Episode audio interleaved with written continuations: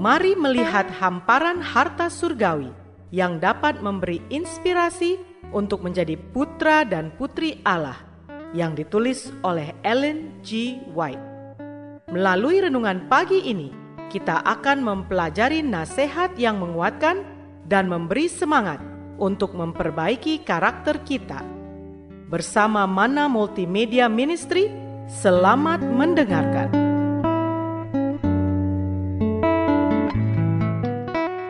Shalom, selamat pagi saudaraku. Renungan pagi kita hari ini 18 Agustus berjudul Kita bermegah dalam kebangkitan Kristus. Bersama saya, Pendeta Andre Daimbani. Ayat intinya diambil dari Yohanes 11 ayat 25 dan 26. Demikian firman Tuhan. Jawab Yesus, Akulah kebangkitan dan hidup.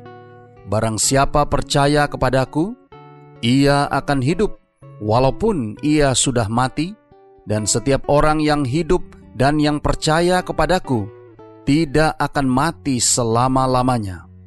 Percayakah engkau akan hal ini? Mari kita dengarkan penjelasannya. Setelah penyaliban Kristus, para imam dan penguasa tidak merasakan perasaan kemenangan yang mereka harapkan. Mereka tidak bersuka cita atas keberhasilan mereka dalam membungkam suara guru besar. Mereka takut. Kematiannya telah menarik perhatian pada kehidupan dan karakternya. Para imam dihukum karena upaya balas dendam mereka gagal, dan mereka lebih takut kepada Kristus yang telah mati jauh lebih takut daripada Kristus yang hidup yang pernah mereka takuti. Cahaya surga mengelilingi kuburan itu, dan seluruh surga diterangi oleh kemuliaan malaikat. Malaikat itu mendekati kuburan dan menggulingkan batu itu, seolah-olah itu adalah kerikil. Dia duduk di atasnya. Kemudian Suaranya terdengar, Ya anak Allah, keluarlah, Bapamu memanggil engkau, dan Yesus keluar dari kubur dengan langkah seorang penakluk yang perkasa.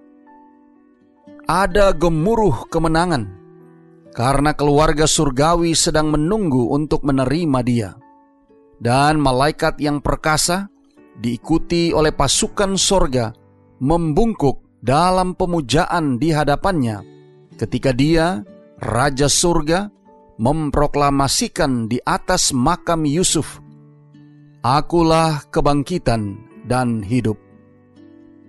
Semua makhluk ciptaan hidup dengan kehendak dan kuasa Tuhan. Mereka adalah penerima kehidupan anak Allah. Betapapun hebat dan berbakat Betapapun besar kapasitas mereka, mereka diisi kembali dengan kehidupan dari sumber segala kehidupan. Dia adalah mata air, mata air kehidupan.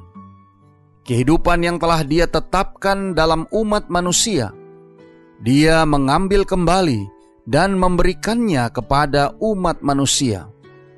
Aku datang, katanya supaya mereka mempunyai hidup dan mempunyainya dalam segala kelimpahan. Saudara-saudara yang kekasih di dalam Tuhan, Kristus menjadi satu dengan manusia, sehingga manusia dapat menjadi satu dalam roh dan hidup dengan Dia. Oleh penyataan ini, dalam penurutan kepada firman Allah, hidupnya menjadi hidup mereka. Dia berkata kepada orang yang menyesal, "Aku adalah kebangkitan dan hidup." Doa kita hari ini, Bapa, terima kasih. Melalui renungan pagi ini, kami boleh diingatkan bagaimana pengorbanan Yesus Kristus di kayu salib memungkinkan kami untuk memperoleh selamat. Terima kasih melalui renungan pagi ini. Kami sekali lagi diingatkan bahwa Engkau adalah kebangkitan dan hidup. Tolong kami hari ini Bapa, biarlah dengan pertolongan kuasa roh kudusmu, kami boleh dapat disanggupkan menghidupkan firman yang sudah kami dengarkan, untuk boleh mengambil bagian daripada kebangkitan Kristus, agar kami boleh senantiasa menaruh segenap kepercayaan dan pengharapan kami kepada Kristus, sehingga kalaupun kami harus menghadapi kematian, kami boleh tetap memperoleh kehidupan yang Engkau sediakan bagi kami.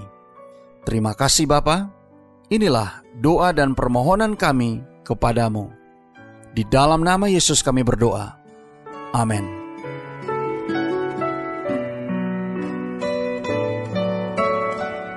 Demikianlah tadi pembahasan tentang menjadi putra dan putri Allah. Semoga firman Tuhan hari ini menjadi berkat bagi Anda. Sampai jumpa, Tuhan memberkati.